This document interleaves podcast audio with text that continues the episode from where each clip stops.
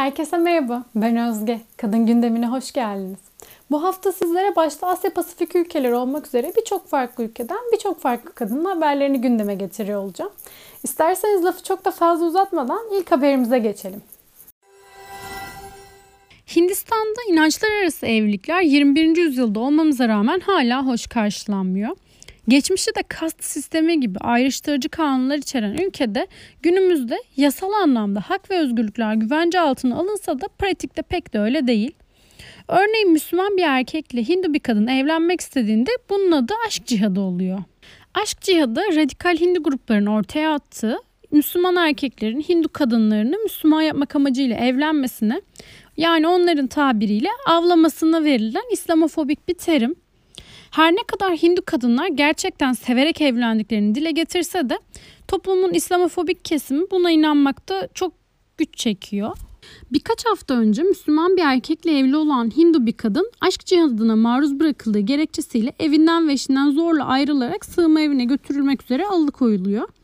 Eşi ve eşinin kardeşi de kadının kendi rızasıyla evlenmediği ve reşit olmadığı gibi gerekçelerle tutuklu yargılanmaya başlanıyor. Hamile olduğu bilinen kadın muayenelerden geçirilmek üzere hastaneye kaldırılıyor ve rızası dışında tedaviler uygulanmaya başlanıyor. Birkaç gün sonra geçirdiği kanamalarla düşük yaptırıldığını fark ediyor. Hastanede çalışan jinekologlardan biri kadının 7 haftalık hamile olduğunun görüntülendiğini dile getirse de hükümet kadının düşük yapmasını bırakın hamile olduğunun kaydını bile ortadan kaldırmış.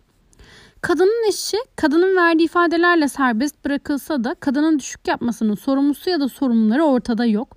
Resmi makamlardan konuyla ilgili gelen hiçbir açıklama da yok. Hindistan'da her yıl onlarca Hindu kadın bunun gibi benzer muamelelere maruz bırakılıyor. Umarım Hindistan halkının bu ayrımcı ve hastalıklı tutumu bir an önce son bulur diyor ve bir sonraki haberime geçiyorum. Bu haberimiz de yine Hindistan'dan.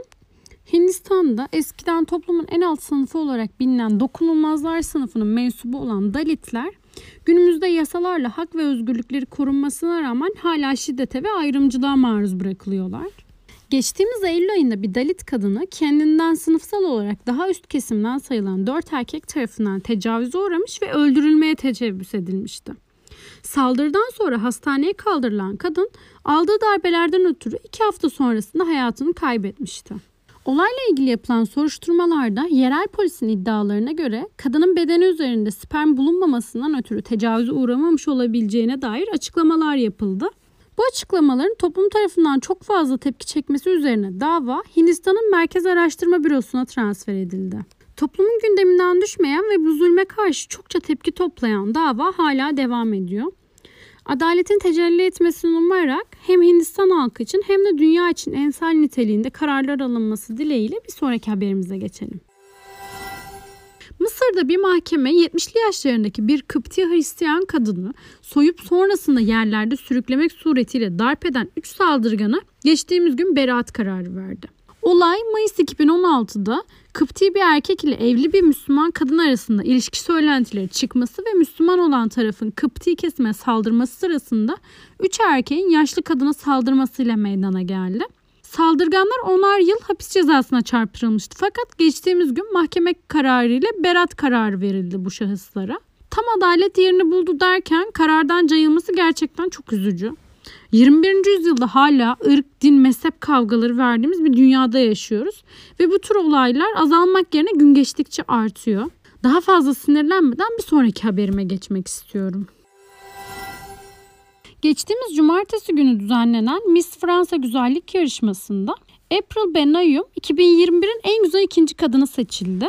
Kendisiyle yapılan röportajda Yahudi asıllı olduğuna değinmesi üzerine ırkçı kesimler tarafından kendisine linç kampanyası başlatıldı.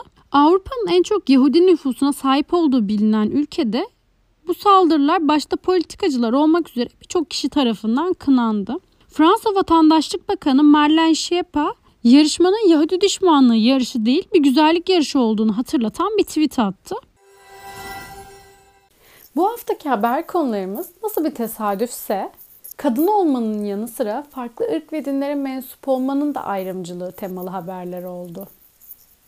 Ayrımcılığın her türlüsüne hayır diyor Ayrımcı insanların da az olarak yok olmasını temenni ederek bugünkü kaydımızı sonlandırıyorum. Umarım beni keyifle dinlemişsinizdir. Bir sonraki podcastimizde görüşmek üzere. Şimdilik hoşçakalın. Kendinize çok ama çok iyi bakın. Thank you.